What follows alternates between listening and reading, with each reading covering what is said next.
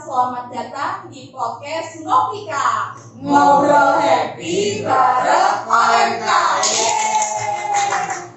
Perkenalkan gue Elif dan kali ini gue akan menjadi host teman-teman semuanya untuk episode kali ini. Dan di episode kali ini kita akan membahas tentang wirausaha yang dilakukan oleh teman-teman OMK selama masa pandemi ini. Nah, bersama dengan saya di sini sudah ada dua orang narasumber uh, yang sudah kita hadirkan khusus untuk teman-teman semuanya yang akan memperkenalkan apa aja sih yang mereka lakukan, apa aja yang mereka jual-jualin. Nah, untuk lebih jelasnya kita langsung aja uh, ngobrol bersama dua orang narasumber kita. Yeay. Uh, mungkin bisa diperkenalkan uh, narasumbernya namanya siapa, dari mana, uh, itu aja dulu kegiatannya apa. Kenalin nama aku Samir Sonaji. Aku dari wilayah 4 dan saat ini aku masih sekolah di salah satu SMK negeri di Jakarta Selatan. Oke, berarti kegiatannya masih belajar ya? Oke, sebelahnya kakak. Oke, kenalin gue Tri, eh, parokinya dari Blok B. Kegiatan sehari-hari sebagai seorang juru masak di salah satu hotel di Jakarta Selatan. Kue di juru masak. Gila, hari ini narasumbernya ini ya, ada yang sekolah dan juga ada yang kerja yang di juru masak. Nah, eh, Kak Tri dan Sami ya.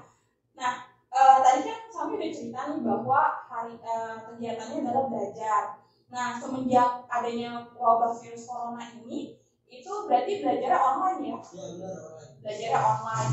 Terus uh, selama belajar online itu ada kesulitan-kesulitannya nggak sih? Maksudnya kayak biasanya kan tatap muka, terus sekarang di online atau gimana? Pasti sih mayoritas siswa uh, merasa kayak ini merugikan ya karena pertama materi tidak tersampaikan dengan baik ya Hmm. dan kita juga nggak mengerti apa yang kadang-kadang yang guru ucapkan atau yang memberi materi dan kadang-kadang juga ada tugas-tugas yang uh, kadang kita kurang uh, miscommunication Komis komunikasi.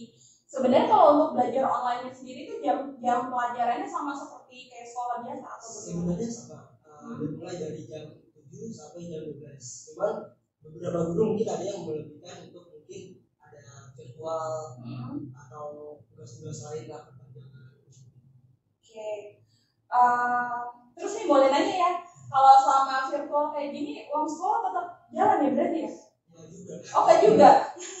Jadi maksudnya nggak ada bayar sekolah lagi tuh gimana tuh? kalau dia emang kebetulan nggak melihat dan uh, uang jajan juga dari orang tua hmm, nggak ada cuman paling kalau makan tetap ada ya Oke, berarti eh, apa namanya sekolah eh, memang puji Tuhan nggak ada untuk bayar, tapi untuk kesehariannya yang agak berat ya karena biasanya dapat uang uang kuota uang. eh, Oke.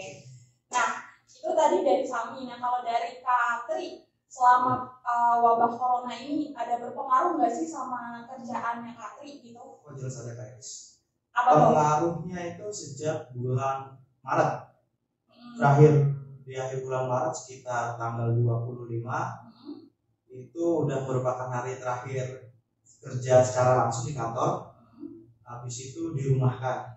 Waduh. Dirumahkan masih dapat gaji setengah dari biasanya. Dari biasanya. Nah, setelah itu sampai dengan sekarang udah unpaid leave nggak digaji sama sekali dan HRM-nya membuat keputusan untuk bersih-bersih karyawan lama, terutama karyawan dari zamannya opening sampai dengan hotel udah mau berjalan 7 tahun, kontraknya dihabisin semua, nanti virus kelar, buka lowongan baru. Jadi seperti itu, nggak ada pemasukan sama sekali. Jadi ibaratnya kayak perampingan dari kantor gitu Iya. ya, langsung diberesin semuanya Iya. kayak gitu ya, terus rekrut baru lagi gitu ya. Iya. Berarti mohon maaf nih kak, eh, kondisi sekarang berarti nggak kerja dong kak ya? Sudah empat bulan saya kerja sih kerja, tetapi bukan kerjaan yang utama dan tidak memiliki penghasilan yang tetap. Kerja tetap tapi kerja yang ya serabutan yang penting ada pemasukan. Ada pemasukan, Hmm. iya benar-benar kak. Sama sih kak, saya juga kayak gitu kak, jadi curhat kan. Eh, apa namanya, hampir sebagian ya kayaknya se- sebagian besar kayaknya kantor-kantor tuh eh, apa ya, sejak adanya virus corona ini tuh kayaknya ada yang gajinya pasti dipangkas, ada yang kehilangan kerjaan, terus ada yang sampai sekarang juga masuknya masih eh, apa namanya belum normal, belum stabil, otomatis kan juga penghasilan juga apa namanya tidak bisa didapatkan 100% dari yang sebelum corona gitu ya. Nah, eh, tema hari ini kan kita mau membahas tentang wira usaha gitu. Nah, dengar-dengar nih eh, Sami membuka usaha apa gitu mungkin bisa dijelasin ke teman-teman semuanya. Jadi kebetulan banget. Ya, aku sebenarnya buka usaha baju ya. Bisa dibilang clothing clothing. Kalau sekarang mungkin udah banyak ya kayak lokal lokal baju. Tapi aku ke- eh, kelebihan dari produkku ini cuma satu sih. Hmm. Bisa desain sendiri. Bisa desain sendiri. Oh, berarti bajunya desain sendiri. Iya, maksudnya kan banyak produk-produk lokal yang hanya mereka yang buat sendiri. Tapi ini bisa customer yang buat atau.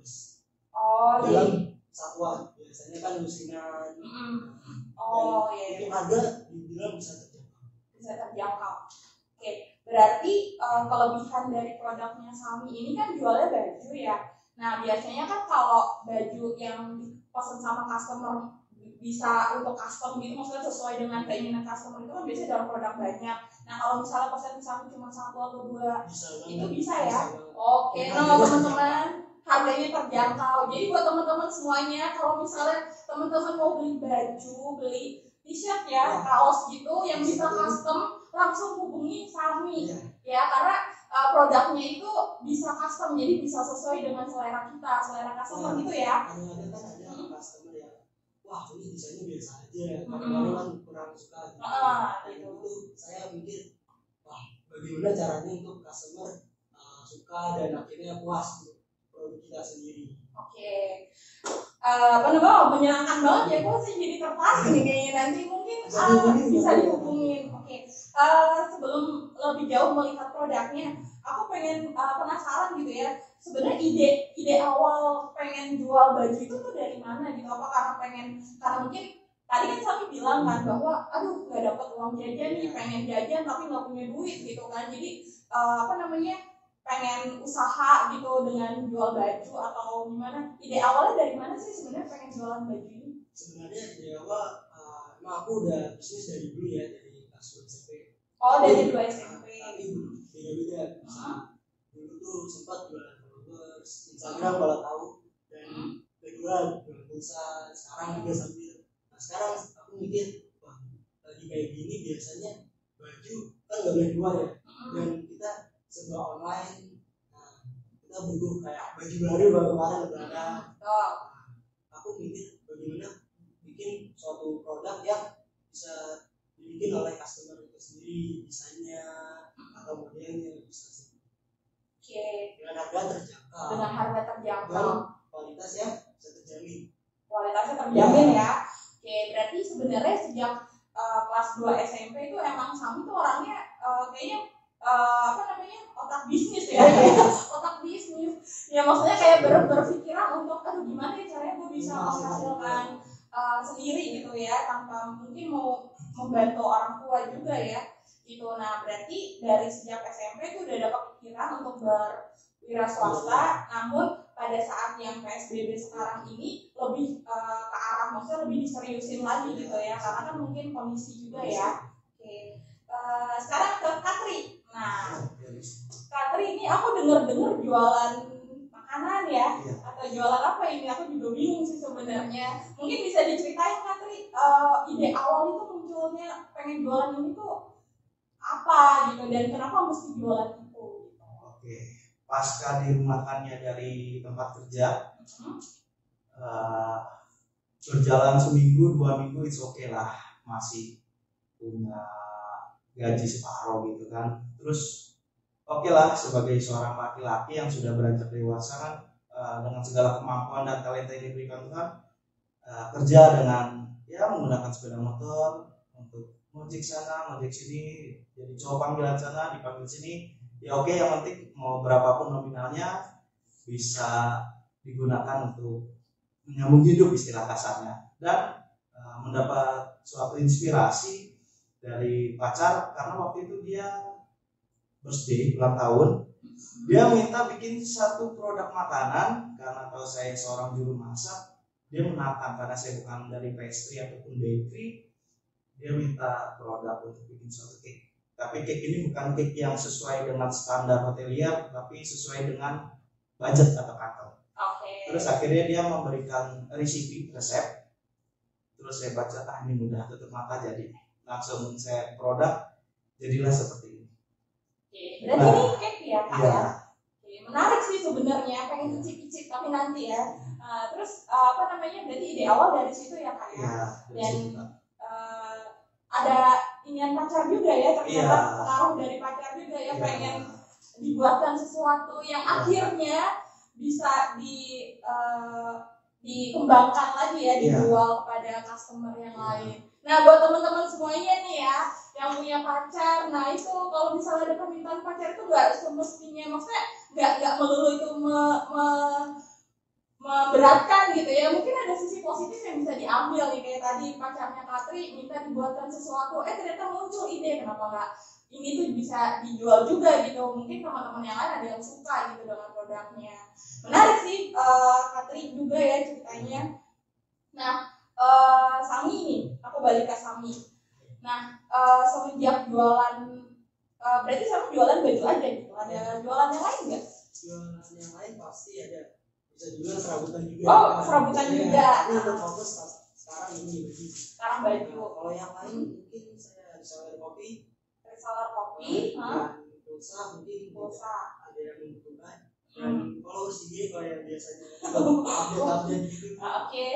Dan ya baru segitu aja sih. Baru segitu. tapi nanti dalam tahap proses akan lebih banyak orang tua tahu nggak nih kalau Sami tuh uh, udah mulai berbisnis gitu ya? Tahu dan sangat su- support banget. Sangat support banget. Oh iya ya. Iya. karena pengen banget ya maksudnya uh, mungkin nanti ada ide-ide lagi juga kan dari orang tua yang bisa masuk gitu ya.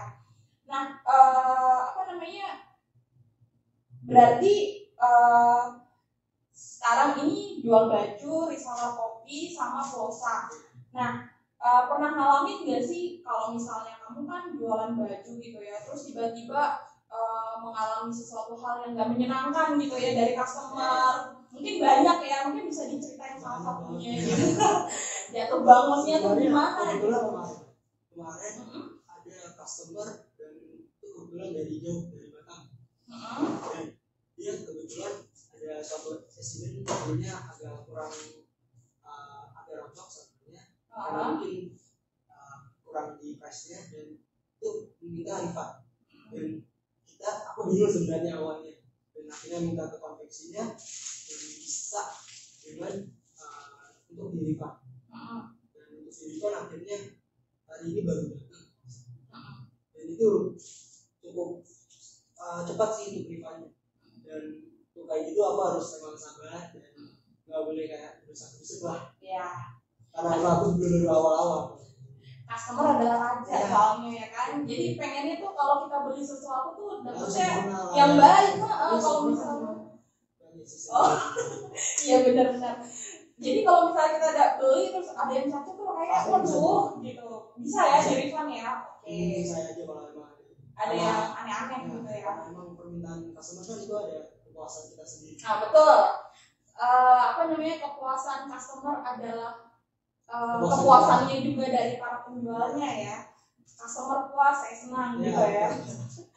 oke Eh, Katri nah pada saat eh, jualan cake apa ini kak namanya kak? Cheesecake Oreo. Cheesecake Oreo. Ya ampun enak banget ya kayaknya ya. Gak sabar pengen nyoba. Nah pada saat uh, jualan cheesecake Oreo itu pernah nggak sih ngalamin sesuatu hal yang nggak enak gitu? Mungkin bisa diceritakan.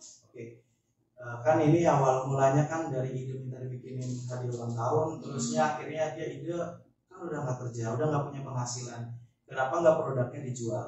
Nah itu awalnya berjual itu kan eh, kita harus tahu bangsa pasar nih. Eh, produk yang kita jual apa? Terus target bangsa pasar kita itu bagaimana? Apakah nyesuaiin budget atau enggak? Dan kita pikir-pikir eh, ini cake yang minimalis dengan harga yang juga minimalis dan juga bahan-bahan yang ekonomis tentunya bangsa pasar kita bisa menembus ke anak-anak terus para remaja dewasa dan juga orang-orang kuliahan. Lalu langkah pertama yang kita lakukan adalah posting di sosial media eh, nge-share ke teman-teman kerja sekolah dan begitu dapat feedback kita bikin open PO. Oke. Berarti kalau mau uh, pesan cheesecake-nya Kak Tri ini gimana nih caranya Kak seharinya sebelum itu harus sudah pesan Oh, jadi Iya. nggak bisa langsung dadakan ya kak nggak ya? bisa dadakan Oke, karena Iya. emang ini jenis cake iya sih kak. Kebanyakan kalau yang jualan gue tuh kayak gitu sih. Jadi Iya. kita order dulu, baru mungkin besoknya dibuatkan Iya. gitu. karena ini kan kondisinya fresh dan buat dingin dia Oh iya benar ya. Mungkin nanti bisa saya share juga nih kak ke teman-teman kantor saya. Mungkin Iya. ada yang suka ya karena apa namanya tadi ya bahannya ekonomis. Eh maksudnya bahannya tuh eh, mudah didapat terus harganya juga ekonomis. Nanti untuk rasa nanti kita coba. Gitu. Eh, terus kami eh, apa namanya? Nah ada nggak sih kepikiran lagi tuh pengen ngembangin lagi? Maksudnya ini kan eh, udah jualan kaos terus pengen nggak sih ada keinginan untuk mengembangkan mungkin ke kuliner atau misalnya mungkin ke desain-desain lain gitu ada nggak kepikiran kayak gitu? Sebenarnya uh, saya sambil merintis ini sambil mikir sih. Mungkin saya uh, juga diperkenankan sama orang tua juga. Hmm. untuk membuat uh, ini produk saya dengan kopi juga tapi dengan produk sendiri. Tanpa reseller. Tanpa reseller oke. Dan uh, mungkin yang tahu kopi-kopi lokal bagaimana? Hmm. mungkin kayak seperti itu. Dan makanan mungkin nanti saya pendampingnya Iya, ya pendamping dengan- kopinya ya? ya dengan produk saya sendiri. Oke. Wis.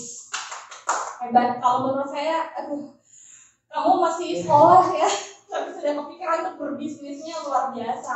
Eh, apa namanya aku juga bisa jadi banyak belajar nih gitu ya. Yang penting tuh apa sih eh, untuk memulai itu kan biasanya sesuatunya berat gitu ya. Nah eh, Sami sendiri waktu memulainya itu gimana tuh pertama pasti berat ya. Tapi kita harus dalam hati itu harus niat pasti pertama niat ya oke. Dan kedua itu kita pasti yang benar kata Tatri pasarnya bagaimana Mm-mm. kita mau target pasar gimana ke siapa dan uh, harganya harus terjangkau pasti. Dan yang ketiga itu kita uh, membuat suatu apa ya gebrakan atau yang berbeda dari produk lain. Apa yang membuat yang berbeda nih? Tanya kenapa customer harus membeli di kita seperti itu jika semuanya itu kan itu lebih baik dan membuat uh, produk kita juga akhirnya dikenal oleh orang lain. ya. Berarti yang pertama tadi ada niat Iya, terus yang niat sama tekad ya. Ya pasti. Gitu. Terus yang kedua Jangan tuh takut. jangan takut untuk atau apa. Itu Oke. pasti akan ada tapi jatuh bangun pasti ada. Oke.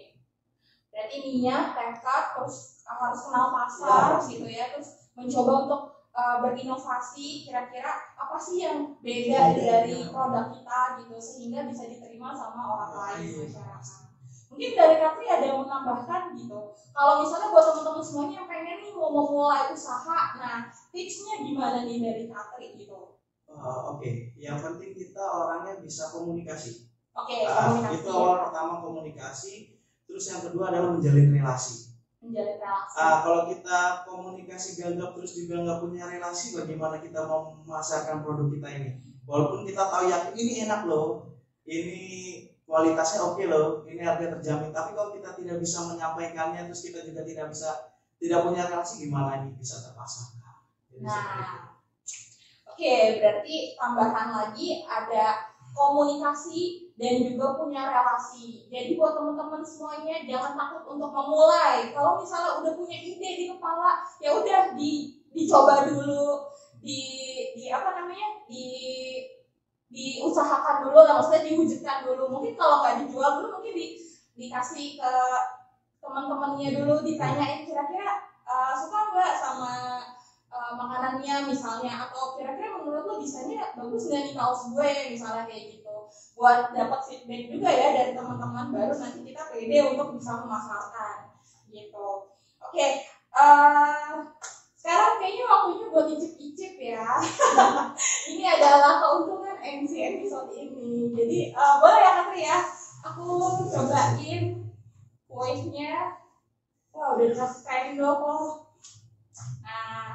teman-teman, ini adalah cheesecake Oreo gitu. Jadi eh, apa namanya? Wow, dingin. Terus ada coklatnya, ada ini keju ya? Iya, kejunya nggak pelit kak. Enggak Moto apa-apa. kami kejunya nggak pelit melimpah. Oke. ada keju. Terus ini yang putih-putihnya apa nih kak? Ini kan ada layer-layer gitu ya? Ya itu eh, si cheesecake-nya. Oke. Nah, ini kita coba ya. Guys.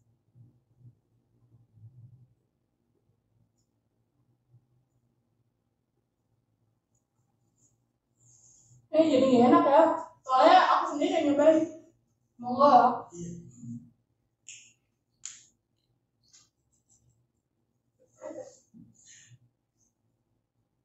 Ada lagi sendok sendok. Makasih Mungkin kami bisa nyobain loh Jadi aku kalau nggak sendirian. Teman-teman ini enak loh, dingin, terus kejunya juga berasa, namanya juga uh, cheesecake ya. Jadi ini rasa keju banget, terus juga ada rasa oreo-oreonya juga. Gitu. Jadi uh, kalau boleh tahu ini harganya berapa ya kak? Dari tadi udah nanya-nanya tapi nggak tahu nih harganya Ini berapa. ukuran small, Mhm. saya small, eh, saya jual lima ribu. Wow, lima ribu teman-teman, lima ribu di mana kalau nggak dapet ini ya kak? Aduh, hampir mau keselak.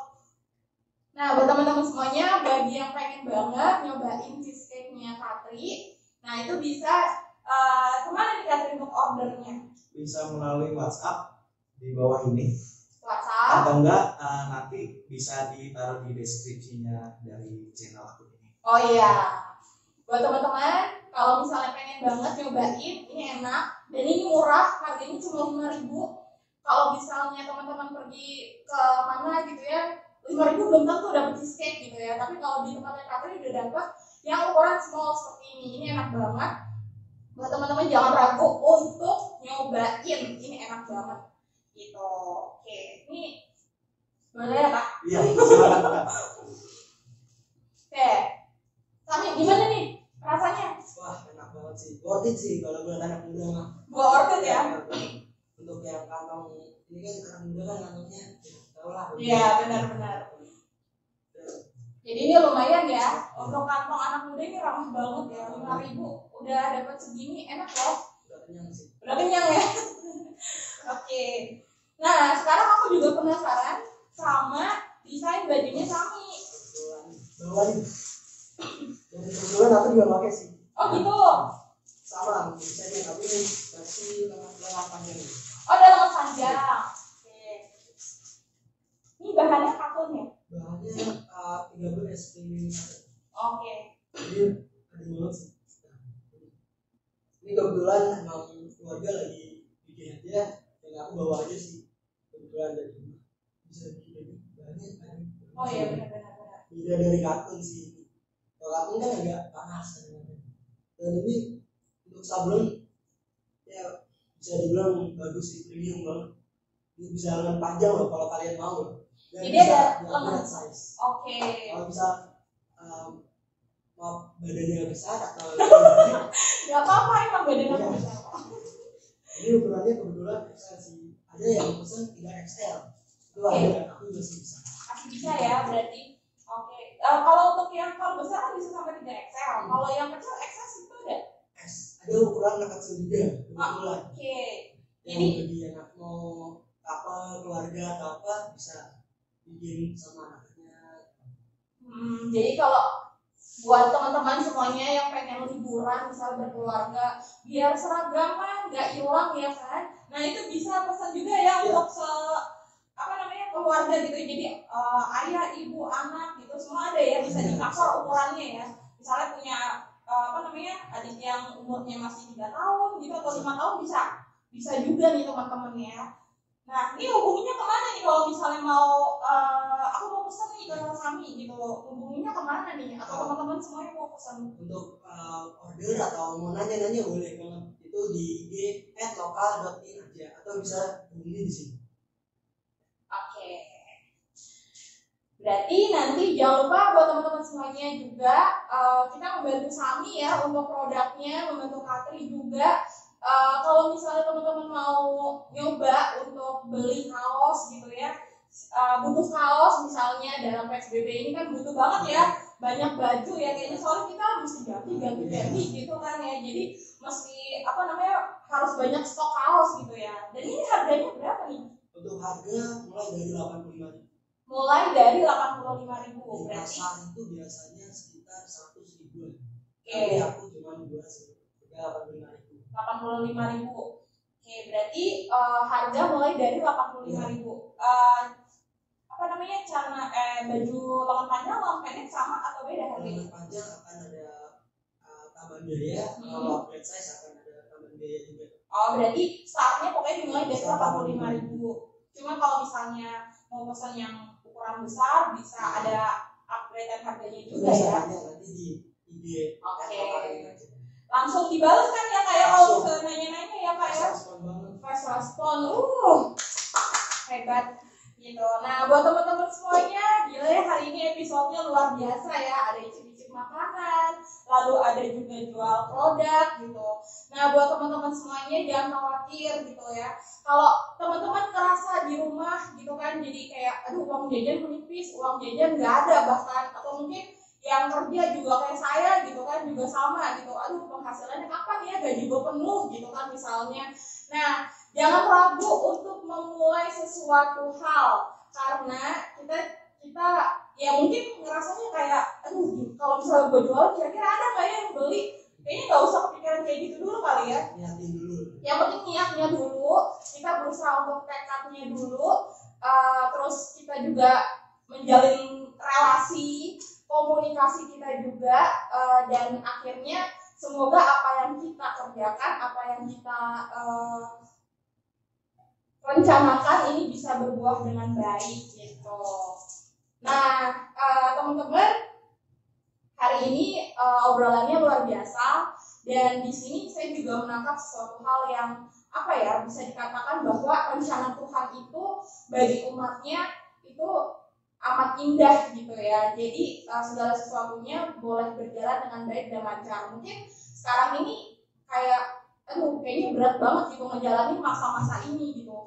Nggak ada kerjaan mungkin gaya kerja tetap nggak ada penghasilan tetap. Uh, mungkin juga uh, apa namanya kita juga nggak punya uang jajan. Tapi uh, apa namanya kita percaya bahwa apa pun kita di- diberikan sama Tuhan akal budi kita diberikan sama Tuhan tenaga kita diberikan sama Tuhan waktu keluarga itu semua yang akan mendukung kita supaya kita bisa menjalani hari-hari ini dengan baik. Gitu. Benar ya? Bener. Nah, eh, mungkin ada pesan-pesan lagi dari eh, eh, pesan-pesan terakhir gitu ya buat teman-teman semuanya dari Sami atau dari Katri, dari Sami dulu mungkin. pesan aku untuk pandemi ini ya tetap semangat jaga kesehatan dan selalu uh, utamakan protokol kesehatan apa pun di mana pun Oke, dari Katri. Oke, ini bukan pesan terakhir ya kesannya kayak maaf. Oh, iya, Tetapi iya. pesan acara ini buat kalian yang udah menonton eh, channel ini, terima kasih pesannya adalah di masa pandemi ini adalah masa-masa sulit, masa-masa perjuangan dan juga banyak para martir-martir yang telah berjuang dan juga berkorban demi masa ini. Dan pesan dari saya adalah selalu bersyukur akan situasi, keadaan sesulit apa pun. Jangan pernah tinggalkan doa dan juga terima kasih sama Tuhan. Walaupun pandemi ini rasanya tidak menyenangkan, tetapi ada hal positif. Kita bisa selalu bersama dengan keluarga, menjalin komunikasi menjadi lebih erat, terutama dengan orang tua, dengan kakak, adik, dan saudara-saudari kita. Oke, terima kasih, terima kasih Katri, terima kasih Sami sudah uh, hadir di podcast Ngopika dan mungkin nanti nextnya bisa diundang lagi ya gitu untuk Siap. ngobrol-ngobrol yang lain. Oke, sekian dulu teman-teman semuanya untuk obrolan kita pada episode kali ini. Jangan lupa untuk terus saksikan podcast Ngopika yang akan hadir setiap hari Minggu atau Senin. Pokoknya ditunggu aja di uh, Instagram @omkblogb. Jangan lupa di follow. Lalu uh, di YouTube, YouTube-nya OMK Blog B juga. Jangan lupa di subscribe. Aduh saya hampir lupa. nah buat teman-teman semuanya tetap sehat, tetap semangat, Stay healthy, stay happy. Pokoknya sampai jumpa di episode selanjutnya. Ngopika, ngobrol happy bareng OMK. Yeay.